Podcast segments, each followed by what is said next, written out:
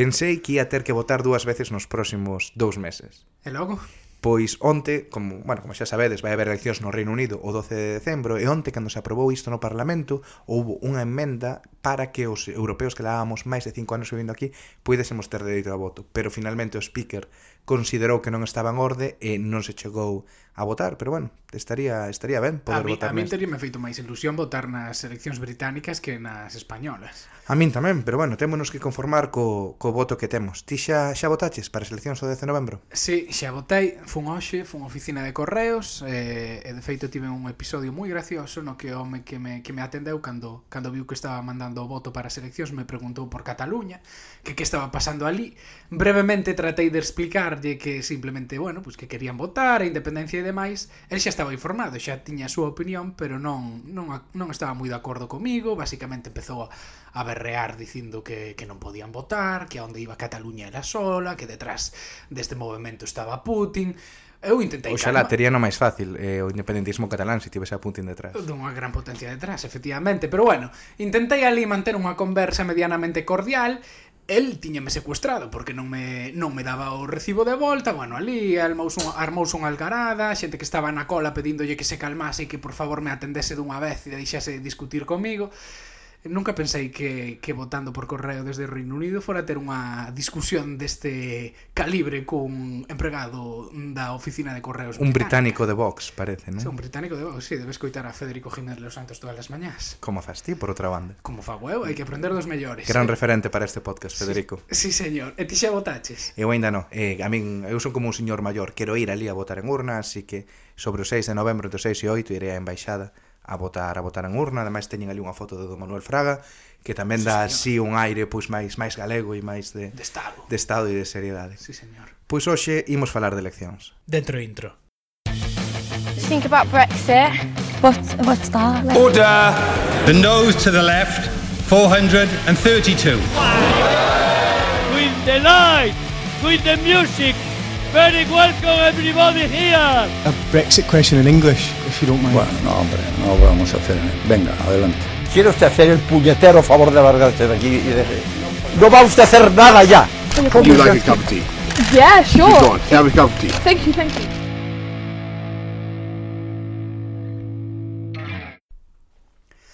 Ben, pois despois de meses e meses de bloqueo, os cidadáns británicos van a tratar de desbloquear todo o problema do Brexit nunhas eleccións que están convocadas para o 12 de decembro, non, Duarte?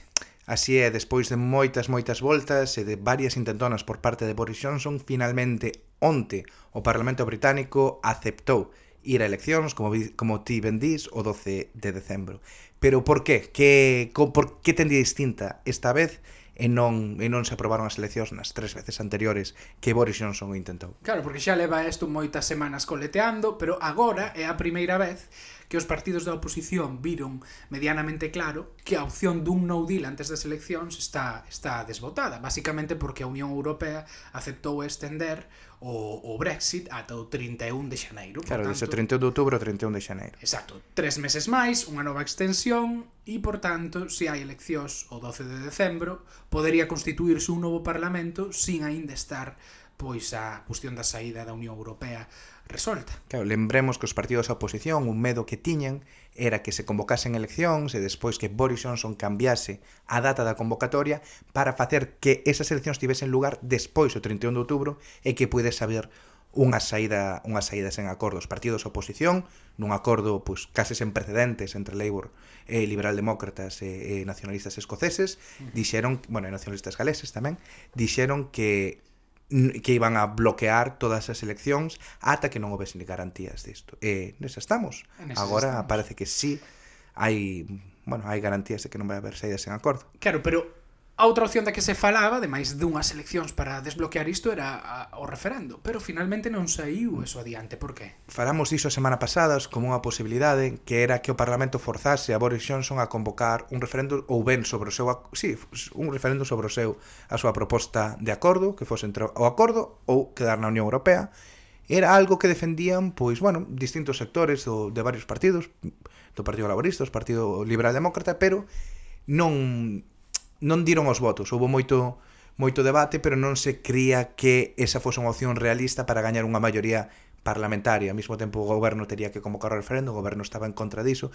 Sería algo bastante difícil e finalmente esa postura non, non tivo suficiente forza dentro do Partido Laborista ou do Partido Liberal Demócrata como para, para sair adiante. E optouse polas eleccións. Pois sí, eleccións o 12 de decembro que non é moi habitual. Desde 1923 que non hai unhas eleccións no mes de decembro. E vos mm. diredes e iso porque é importante? Porque son británicos e teñen extrañas tradiciones. E claro, porque no Reino Unido eh, pois as eleccións, especialmente nas circunscripcións onde hai moi pouca diferenza entre a primeira e a segunda forza ah, dependen moito do, da campaña casa por casa, porta a porta non? Mm. Eh, é, o que, é o que aquí lle chaman canvassing.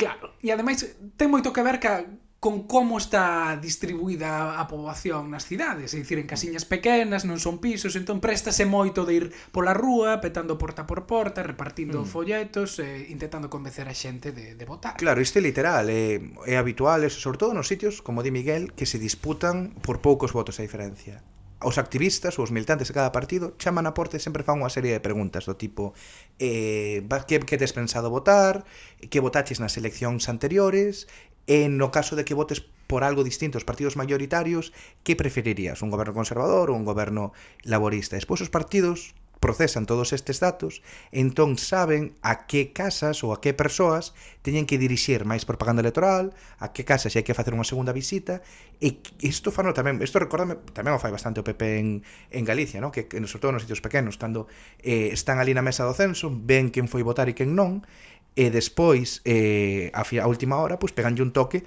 aos que non foron votar pois aquí fan o mesmo se eles teñen a lista de de, de, de bueno de, de electores e hai varias persoas que dixeron que iban a votar polo teu partido e non foron votar ao final do día pois vanlles pegar un toque a a casa. Mira, tío Pepe de Ourense facendo innovación electoral. Sí, sí, totalmente. Pero bueno, claro, tendo isto en conta, O Eso feito... foi porque don Manuel foi embaixador aquí. Eh, claro, exactamente. Aí, había aí está, Xona, aí está a, con a conexión. Conexión Galicia. Conexión Galicia Madrid, no, Galicia Madrid o programa TVG, Galicia, Galicia Londres. Pois iso, é dicir, nesa, tendo isto en conta, o certo de que sexan en decembro, pois é importante. Pois por qué? Porque no Reino Unido anoitece entre as 4 e media e 5 da tarde, préstase menos a que os activistas dos partidos saian á rúa a petar porta, eh, porta tras porta, e tamén porque fai bastante frío. Mm. E incluso para a participación, a meteoroloxía afecta a participación. Por iso aquí gustes convocar as eleccións en maio, as locais en persoa en maio. E se chove, se fai frío, se a xente está pensando no Nadal, se está pensando en outras historias, pois hai risco de que haxa menos participación. Habrá que facer un anque chova bota. Anque chova, outra vez Galicia aquí innovando, innovando no Reino Unido. Entón, eleccións en decembro, pero que din as enquisas? Como está o panorama agora mesmo? Pois a ver, agora mesmo, se miramos a media de enquisas, e isto é importante, non estamos mirando simplemente a unha a unha enquisa en concreto. Estamos mirando a media de distintas de distintas empresas, da que o Partido Conservador obtería en torno ao 35% dos votos e o Partido Laborista algo máis do 25%.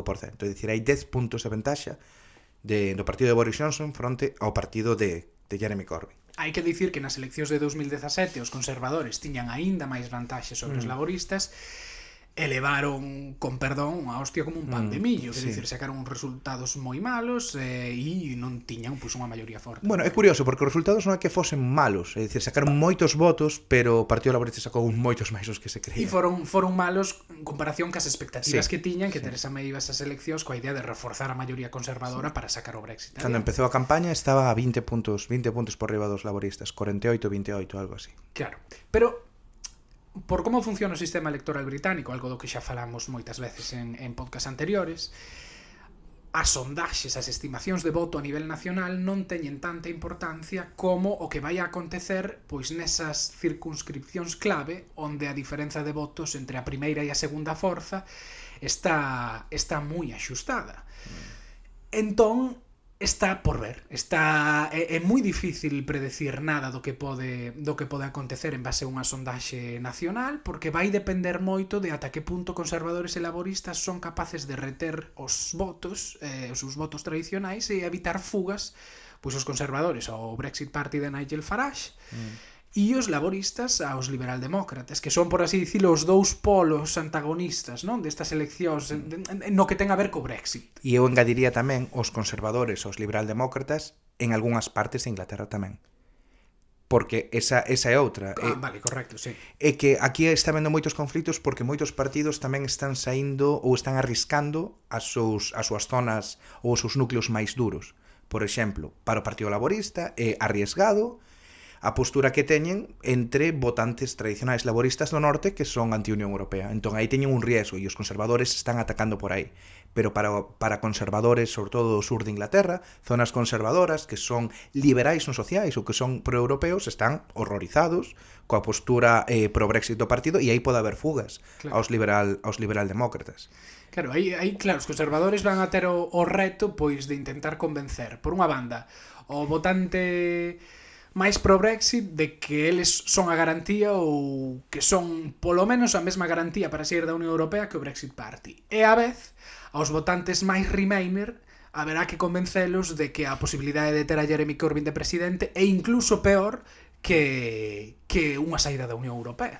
E aquí onde entra o voto táctico. Claro eh, que é algo que se fai moi habitualmente eh, no, no Reino Unido, que é votar en función de quen teña máis posibilidades de gañar na túa circunscripción. Entón, se és eh, profundamente antitori, pois votarás a liberal-demócratas, verdes ou laboristas, ou, es, ou Scottish National Party ou Plaid uh, eh, Cambry, en función de quen teña máis posibilidades de gañar na túa circunscripción. Entón, concentras o voto para debilitar ao, ao partido que, eh, que tes máis tirria. Do mesmo xeito, pode haber voto anti-Corbyn, que pois pues, que vaya para os conservadores, para o Brexit Party ou para os liberaldemócratas. E neste caso engádese a capa maiores que voto anti-Brexit ou voto pro-Brexit, non? Que se hai xente que diga, bueno, pois hai que parar Brexit, pois se hai que parar Brexit, ese é o meu principal obxectivo, nunha zona conservadora do sur de Inglaterra, na que os laboristas teñen pouca presencia, pois voto liberal-demócratas. E se é unha zona ou un escano conflito entre eh, laboristas e conservadores, pois igual voto laboristas, porque, ainda que quixese votar Lib Dem, porque non se van a comer unha rosca. Claro, e coa cuestión do voto táctico tamén se está a falar moito de alianzas tácticas entre uh -huh. partidos, é dicir, da posibilidade de que algúns partidos renuncien a presentarse para concentrar o voto na no partido pro Brexit forte, por así dicilo. Nalgúnas zonas do sur, o mellor o partido de Nigel Farage podería renunciar a presentarse a cambio de concentrar o voto nos conservadores e garantir que saia un deputado conservador, E nas zonas do norte, nas que ao mellor o Brexit Party pode pelexar mellor contra o Partido Laborista porque é unha zona tradicionalmente laborista pero que no referéndum votou a favor do Brexit, pois os conservadores poderían eh, non presentarse e concentrar o voto no partido de Farage. Fixéronse, Farage fixo esa proposta en concreto e desde o goberno, desde os conservadores, se, se descartou, dixose que non. Pero sí que é certo que, por exemplo, estes días nos medios filtrouse que xente do Partido Conservador a nivel local, nalgúnas circunscripcións na que a cousa vai estar bastante xustiña, estaban, eh, bueno, pois mensaxeando a xente do Brexit Party pedíndolles que non se presentasen. Mm. Entón, está por ver como vai evolucionar iso nas próximas semanas. Que recordemos que iso tamén xa pasou nas eleccións anteriores, de 2017, os verdes houbo escanos nos que non se presentaron para favorecer aos, aos laboristas, e UKIP, bueno, non foi por unha cuestión táctica, foi porque naquel momento colapsou UKIP, pero eh, que agora pues, recollo o Brexit Party, pero prácticamente non se presentaron en, en ninguna circunscripción. Claro, e entre os Remainer aconteceu igual, é dicir, na, na by-election que houve hai uns meses, mm, eh, verdad. nunha, nunha circunscripción de, de Gales, o Plaid Cymru, que é o Partido Nacionalista Galés, e, e os liberaldemócratas, pois acordaron concentrar o voto nos liberaldemócratas e, de feito, arrebataronlle esa constituency a un, a un deputado conservador. Mm, sí, porque tamén era un, unha circunscripción na que o, o nacionalismo galés leva moi poquiños, moi poquiños votos. Claro.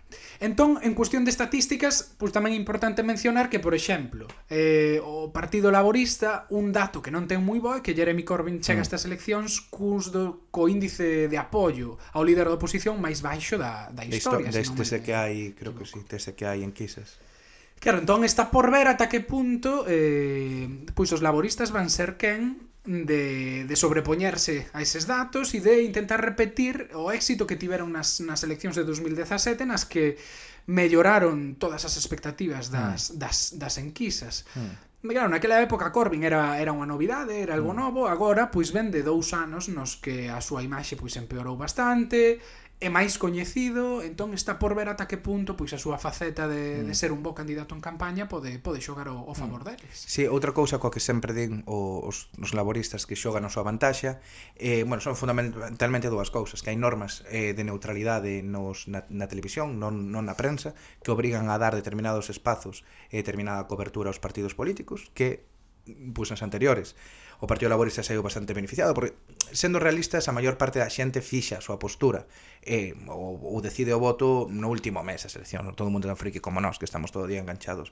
a isto entón, empezan a prestar atención á política pois eso, tres semanas antes poñen a BBC na noticia, nas noticias das 10 e aí van a ver o que, o que lles gusta entón unhas mensaxes eh, claras e ben comunicadas, incluso dun partido eh, pois ou dun líder impopular poden ter un efecto multiplicador, que é o que xoga ao que xoga o que quere xogar o partido o Partido Laborista. Se funciona ou non, pois está por ver. E estás falando agora que falas da televisión e das mensaxes comezase a falar tamén dos debates, non? De como mm. de que debates vai haberse, que a Corbyn propuxo un cara a cara con Boris Johnson, Joe Simpson dixo que tamén quería unha tres bandas, a ver como como queda iso. Habitualmente eu creo que se adoitan facerse debates con moitos partidos incluídos, non? Eu mm. lembro mm. de Cameron estando nun macro debate con oito ou sete candidatos sí. máis, estaba Farage, os Verdes, o SNP. Non o non houbera cara a cara, creo recordar, o nos, en 2017. O mellor estou me confundindo co, co debate do referendo do Brexit. Pois pode ser, sí. E, e tamén utilizan formatos distintos. Por exemplo, tamén quero recordar que cando fora de David Cameron contra Ed Miliband eh, houbera sesión de entrevistas e preguntas co público certo, un despois do outro, pero non houbera tampouco careo. Bueno, pero bueno, hai distintos, utilizanse distintos formatos. Pero bueno, eh, falábamos dos destas circunscripcións um, marxinais, onde a cousa vai estar moi xusta, é moi curioso. Como marxinal non nos referimos a pobre, referímonos a sitio eh, no que se decide por moi pouca marxe. Exacto, foi Porque son un anglicismo, literal. pasoume outro día de utilizar a, cuestión, a, a a palabra marxinal para referirme a Wimbledon e díxome un compañero, home, Wimbledon, Wimbledon, marxinal é eh, pouco, eh, que un sitio de bastante pasta. E eu, ha, Eh, non quería dicir eh, marginal nese sentido. Claro. É unha traducción así de marginal, así daquela maneira, de marxe, non de marxinación. Claro. Pero podense dar situacións curiosas que en España nunca veríamos. Por exemplo, en España ti non, non te imaginas que o candidato a presidente do goberno poida perder a súa acta de deputado, porque vai ser o número un da lista por Madrid probablemente, e ese vai sair sí ou sí. No Reino Unido, a, precisamente, a circunscripción de Boris Johnson, como se chama? Oxbridge. Oxbridge. Oxbridge. Uh, precisamente esa circunscripción é unha circunscripción na que a cousa está moi axustada para os conservadores, e de feito está a ver en redes sociais, comezouse a montar unha campaña para eh, precisamente votar a Boris Johnson. E eu, eu creo que moita xente que o mellor noutra circunstancia non votaría, nestas eleccións aínda que non apoia os laboristas ou os liberaldemócratas ou, ou, ou os que estean de segunda forza, ao mellor iría simplemente votar por troleo. Claro, eh, a ver, para dar un poquinho de contexto Nas eleccións de 2015 en Axbridge O Partido Conservador sacou 50% dos votos E o seguinte, que foi o Partido Laborista, tivo 26 É dicir, unha maioría de, bueno, moi ampla De sí, 10.000 votos, sí. 10.800 votos en 2017, dicir, nas últimas eleccións, o Partido Conservador sí que mantivo máis ou menos a mesma porcentaxe do voto, 50,8, pero o Partido eh, Laborista sacou un 40, dicir, esa maioría de 10.000 reduciuse en 5.000. Claro. Entón, eh, 5.000 votos eh, o, cando se empeza a considerar que eso pode, pode merecer a pena facer campaña aí porque igual igual ganas. Claro, sería maravilloso e leva moito tempo eh, de feito bastantes activistas laboristas e con esta campaña Ansit Johnson claro, e indo ali a facer campaña e a pois a molestar. Entón, hombre, eu que diste, igual se pode ver nun apuro. Claro. sería, sería moi gracioso que os conservadores gañasen as eleccións e, e, e Boris Johnson quedase fora xa para darlle para rizar o rizo máis dentro do, da, da, bizarrada. da bizarrada política británica. Sí, señor. Pero bueno, entón agora Xa están as eleccións sobre a mesa, os partidos preparando a maquinaria electoral. Cales son as mensaxes, eh, o, o marco electoral que están que están a elixir uns e outros de momento? Messaging, porque xa, xa, xa comezan os vídeos electorais, mm, así, sí. para animar os activistas a sair á rúa e a xente. A ver, con que empezamos? Cos conservadores. Cos conservadores. Pois pues, se abres a páxina web do Partido Conservador, eh, a, o eslogan que están utilizando agora mesmo é as túas prioridades son as miñas prioridades. E debaixo deso meten NHS, que é o Servicio de Saúde, escolas, eh, crime, eh, economía forte. Eu pensaría que abrirían co Brexit. Pois non, eso está na letra na letra pequena. Eh, que aí onde pon que tem, temos que we will get Brexit done, que faremos ou solucionaremos o tema do Brexit, pero está na letra na letra pequena. É un mensaxe é unha mensaxe arriscada, eh? Claro, porque estás entrando no terreo uh, das fortalezas dos laboristas, por así dicirlo, dicir que en queira votar pensando nos servizos públicos, no NHS, eh, na política antirrecortes eh, probablemente vai a votar polos laboristas que claro. son quen estiveron facendo campaña por iso nos últimos anos e, e quen a, a xente asocia como os defensores do, do público e dos servizos sociais. Entre outras cousas, porque tamén foron que un crear. Eh, exactamente. Eh, sí, a min parece unha mensaxe arriscada de cara, eu creo que isto ten os, as pegadas de Dominic Cummings todo todo alrededor e nun, nun gotas falamos de, de Dominic Cummings que é o principal asesor ahora mismo de, de Boris Johnson. Pero é moi arriesgado polo que ti dis. Estes son temas básicos do Partido Laborista. Eu entendo que o queren facer pois para dirixirse a eses escanos ou esas circunscripcións do norte que votaron Brexit, pero que son obreiras e tradicionalmente votantes laboristas é arriesgado. É dicir, o Partido Conservador non ganou aí nunca ou hai 100 anos igual que non gana en moitas desas eh, circunscripcións. Que fora un pouco a estrategia que elixira Theresa May nas eleccións de 2017, onde pasou así do Brexit e se mm. centraba pois máis nesa, nesa faceta menos coñecida dos conservadores como é é incrementar o gasto público e mellorar os mm. servizos públicos e non sei moi ben parada.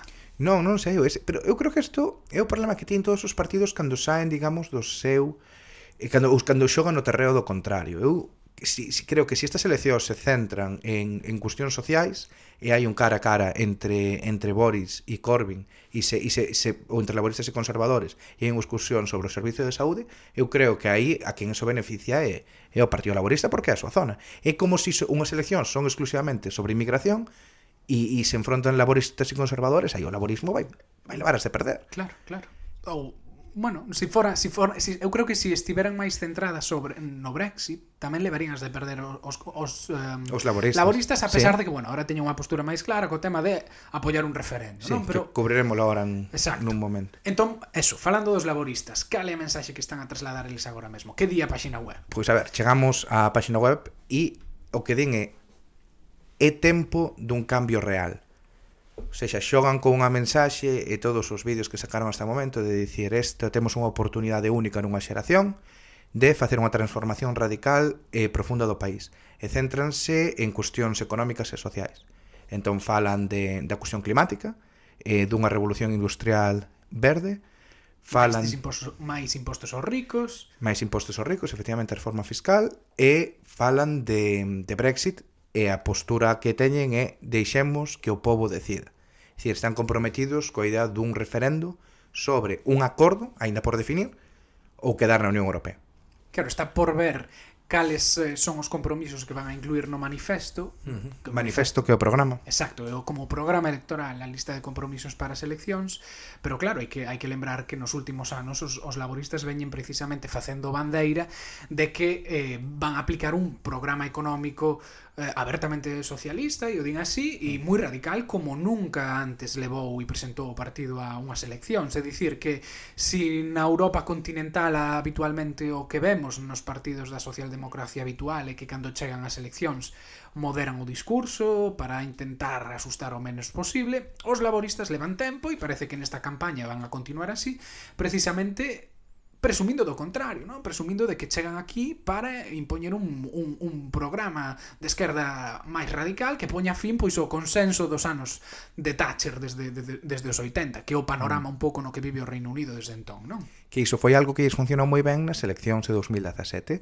porque as súas propostas programáticas eran xeralmente populares, cousas como eliminar as taxas universitarias, era moi popular entre o estudantado, e o estudantado tivo unha parte importante eh, de, bueno, na responsabilidade do, do éxito nacionalización do, do ferrocarril. E, ese, foron unha serie, ou nacionalización da auga, foron unha serie de propostas que eran moi radicais, pero moi populares, e axudaron pois, a, a comunicar a mensaxe, tamén porque se falou moito delas. Entón, cando ti propós algo que está totalmente fora dos consensos, pois a xente fala moito delas. Claro. Veremos se agora, despois de todos estes anos que se falou tanto diso, se agora claro. vai ter tanta repercusión, non? Claro. Vai xerar tanto, vai marcar tanto a xente. Claro, agora o Partido Laborista fai unha serie de propostas tamén moi radicais, pero bueno, claro, levas dous anos facendo propostas super radicais, xa sorprende menos. Iso tamén é un risco. Claro. E sobre o referéndum en concreto, entón, que propoñen? Sobre o referéndum en concreto propoñen que nos seis primeiros seis meses de goberno irán a Bruselas e eh, chegarán a algún tipo de acordo con Unión Europea. É dicir, que no, non continuarían co acordo de Boris. Non, de, bueno, son nin de broma, eh, sobre todo porque na declaración, bueno, non quero entrar nos detalles, pero na declaración política do, do acordo de Boris non hai moitas referencias a protexer os dereitos laborais, os dereitos ambientais, son unha das grandes críticas que lle fai o Partido Laborista ao acordo, Entón, non, non se seguiría con ese acordo, presentaríase outro lixeiramente distinto, posiblemente máis aliñado co mercado común, posiblemente dentro dunha unión arancelaria, que é a proposta do Partido Laborista, e despois eso someteríase a un referendo entre quedar ou aceptar ou aceptar ese acordo. A postura que, que xogan é nos queremos ser o partido que sexa capaz de ofrecer tanto un Brexit brando como non Brexit e estar cómodo nas súas posturas. Xa. Eu o que pasa é que penso niso e dis, precisaría unha maioría moi grande de Nuestro Señor para poder apoiar un referendo no que a, a, a disputa sexa entre o acordo ou quedar na Unión Europea. Non, necesitas unha maioría... Porque, porque non ese acordo e sair da, ou sair da Unión Europea con no deal. Pero unha maioría parlamentaria dis? Ou... Sí, claro, porque eso tense que ese, ese referéndum e a pregunta do referendo tense que apoiar polo Parlamento. Eu dubido que co escenario actual, non sei cal vai ser o resultado, pero o laborismo ou, e os Remainer terían que ter unha, maioría moi grande para que ese referéndum se acordasen bueno, a pregunta dese referéndum fora externo. Te, terías que ter unha maioría no Parlamento, punto. Non ten que ser tampouco tan grande, pero é verdade, eh, se si chega esa situación a cal volve a non hai maioría, pois pues estamos onde estamos agora. Claro. Pero se si chegas a ter maioría, se si, acus... eh, si, é dicir, se si, o, si o laborismo ten a posibilidade de chegar ao goberno, non creo que o referéndum vai a ter dificultades para ser aprobado no Parlamento. Uh -huh. o, o, o, gran, a gran cuestión é se serán capaces de chegar ao goberno, pero unha vez ali, se teñen maioría parlamentaria para elixir a Corbyn primeiro ministro, teñen maioría parlamentaria para sacar o referendo. Pois pues veremos o que pasa con iso. A cuestión é se si hai maioría para que Corbyn sexa primeiro ministro, que bueno, está claro, ver. Que van a ter que disputar moito cos liberaldemócratas, que precisamente que, que o que din para estas eleccións? Cal está sendo a mensaxe principal? Stop Brexit parar Brexit e punto. punto. Acabamos. Non falamos de economía, non falamos de... Que va. No, falar de economía non lle convén aos liberaldemócratas, nada e porque os liberaldemócratas eh, estiveron moitos anos digamos fora do ou, ou cunha, cunha proxección cuns votos moi baixos pola súa participación na coalición cos conservadores con David Cameron en 2010 que foi a coalición da austeridade, na que claro. precisamente incumpriron algunhas das súas promesas estrela claro. como tema de, de eliminar as, as tasas universitarias. Efectivamente. ¿no? Falar de economía ten o risco de que a xente iba a decir pero se si vos estiveche desgobernando cos conservadores estáis dous días e, por certo, ninguén non vos, tampouco algo que se arrepintan, nin algo que digan que foi un erro. Joe Swinson foi parte dese goberno, bueno, non é o discurso que mellor que máis lles convén Eh, sin embargo, de parar Brexit é un discurso moi sinxelo, eh, que funciona ben nun sector do electorado, non é un discurso que dé pois, para gobernar, pero sí para aumentar de xeito significativo a porcentaxe de voto que o que fixeron nas eleccións europeas e o que está facendo nas enquisas. Vai ser interesante tamén ver como, como reacciona Joe Swinson o escrutinio dos medios, porque desde que alixiron lideresa do partido eh, eh, vai ser a primeira vez que se expoña tanto, creo, uh -huh. non? É dicir, ata agora sí que é certo que nas últimas semanas estivo máis na picota e no candelero, pero pero mm. bueno, creo que na selección sí que se vai poder ver ata que punto ten aí madeira, madeira de líder. Uh -huh. Efectivamente, madeira de líder e si, e si é capaz de aguantar a presión a que van, acaban someter porque estaba nesta postura de terceiro, un cuarto partido, non sequera terceiro eh, que é máis cómoda pero, bueno, veremos veremos as novas seleccións, que tal sigue dá un debate que tal sigue dan as aparicións na tele E eh, bueno, cuarto en disputa o Brexit Party de Nigel Farage que un partido que eh, foi a primeira forza nas eleccións europeas ten, mm. se mal non lembro, como 29 eurodiputados e despois a nivel a nivel do Reino Unido apenas ten 4 deputados na Asamblea de Gales e xa está. No, no, na Asamblea de Gales e UKIP, non é Brexit Party. Ah, é certo, é certo, é certo, UKIP, perdón. Vale, sí, é sí. que o Brexit Party é a creación é o partido que creou Nigel Farage que era o antigo líder de, de UKIP. É certo mm. que marchou, deixou o partido porque dicía que era incluso demasiado demasiado radical para el. Sí. Eh, eh, eh é certo que UKIP ten catro representantes na, na Asamblea de Gales. Que, por certo, certo. hai un vídeo rulando por aí moi moi coñero dun deputado de UKIP na Asamblea de Gales falando sobre a cuestión catalana e eh, solidarizándose clarísimamente co, co independentismo catalán e sinalando que é un fracaso estrepitoso da Unión Europea. Sí, señor, non será o primeiro político de extrema dereita europeo que apoia o independentismo catalán. Tamén no? a, a Liga Norte en Italia fixera o mesmo. Eh, pero bueno, entón, o UKIP entendo que vai a saco co Brexit e con sair da Unión Europea a como sexa, non? Axúdanos a loitar por un Brexit de verdade. Esa sí. é a, o, o titular que teñen ahora mesmo na páxina na páxina web. É a postura deste, deste sector. Siguen entendendo tamén que o Brexit de Boris Johnson é moi prando, é moi é cercano á Unión Europea, non lles vale, queren algo máis duro. Sair sen acordo e, e xa, Entón, pois esta postura co que, coa que se presentan a Está por ver que tal lles funciona. Eu creo que moito do voto que sacaron nas eleccións europeas vai volver ao Partido Conservador con Boris Johnson. Uh -huh. A moita xente valelle o acordo que de Boris. E, ainda que tampouco é tan diferente do Theresa May, pero é unha cuestión de como comunicas e a credibilidade que tes. E Boris Johnson ten máis de Theresa May. Claro. E para non para que non nos acusen de estar simplemente centrados en Inglaterra, hai máis partidos e cunha mm. importancia fundamental, como sí. por exemplo os nacionalismos escoceses, Scottish National Party, que, bueno, chega a estas eleccións con tamén ideas moi claras, non? Un referendo de independencia en 2020 e un discurso claramente anti-Brexit. E hora de elixir o noso futuro e o, o slogan que teñen agora mesmo na páxina web. E, sí, é un dos partidos máis importantes porque é o terceiro partido en tamaño no, no Parlamento, por riba dos, dos liberaldemócratas, bastante por riba dos liberaldemócratas, entón importa moito os resultados que, que saian en Escocia. Está previsto o que din as enquistas e que van a sacar prácticamente todo ou todos os, os escanos eh, en disputa en Escocia, o cal tamén vai ter un impacto importante no reparto total de, de escanos, porque Nas anteriores eleccións de 2017, os conservadores, despois de moitos anos de ser completamente marxinais en Escocia, fixeran moitos avances e ganaran moitos deputados en Escocia, algo así como 10 ou 12. 10, foron 12, non? Algo ah, así. Ah, por aí eran, sí, non me lembro ben, sí. Claro, iso estaba moi vinculado á personalidade e ao traballo da líder da, naquela altura do Partido Conservador Escocés, eh, Ruth, Ruth Davidson, que era era moi boa, as cousas como son, era moi boa líder, e, e tiña unha liña tamén moi propia eh, dimitiu hai pouco, entre outra, ela alegou razóns persoais, pero había moitísimas discrepancias con, con Boris Johnson. Entón, Especialmente entón, ca cuestión do, de como xestionou o no non? Sí, que en Escocia claro. é algo dificilmente vendible. Claro. É eh, curioso porque agora os novos Lin Oxe que os novo o que, o que é o novo voceiro do Partido Conservador en Escocia vendía o seu discurso forte, mensaxe forte para as eleccións si a ser garantimos que Escocia vai pasar unha tempada longa sen referendos, non? Sen referéndum sobre o Brexit e sen referéndum sobre a independencia que eu creo que non é o que o que máis te pode dar votos en Escocia agora mesmo. Pois posiblemente non, é é, pre, é, é previsible que perdan estes 12 escanos que pode afectar moito á configuración final dunha maioría, particularmente se está axustado. Se está axustada a votación, sobre todo porque aínda que o Partido Laborista perda algún escano en Escocia, importa menos porque dentro da configuración de bloque sigue sendo o mesmo, é dicir, estás cambiando un partido eh, de esquerda por outro, pero no caso de que os partidos conservadores non é así. Claro eso resta á maioría total.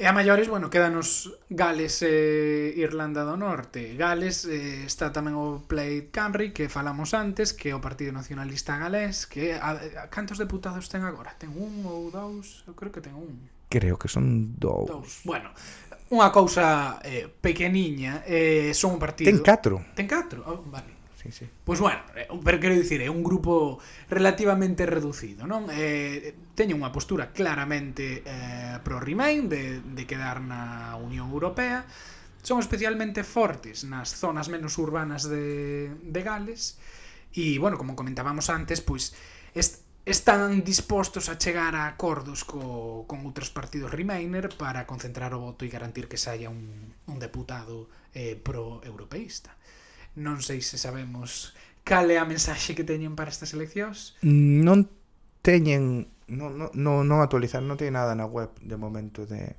estou mirando, non, non teñen unha mensaxe clara sobre, o tema. sobre as eleccións, non?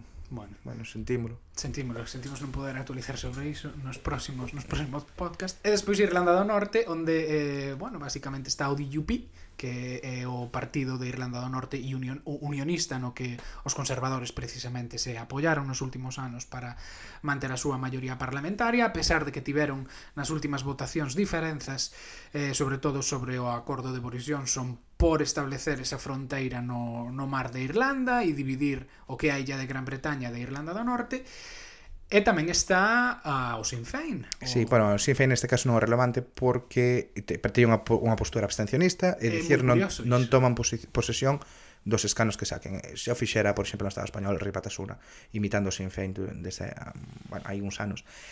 E, Pero é unha postura histórica do republicanismo irlandés, levano facendo un montón de anos e non vai, iso non vai cambiar. Non recoñecer Westminster. Efectivamente, non e... o recoñecen, non van, non E mantiverono no incluso nunha situación tan extrema como todas a, a, os debates que houve sobre o Brexit. Non? Sí, sí, sí, pero bueno, algo...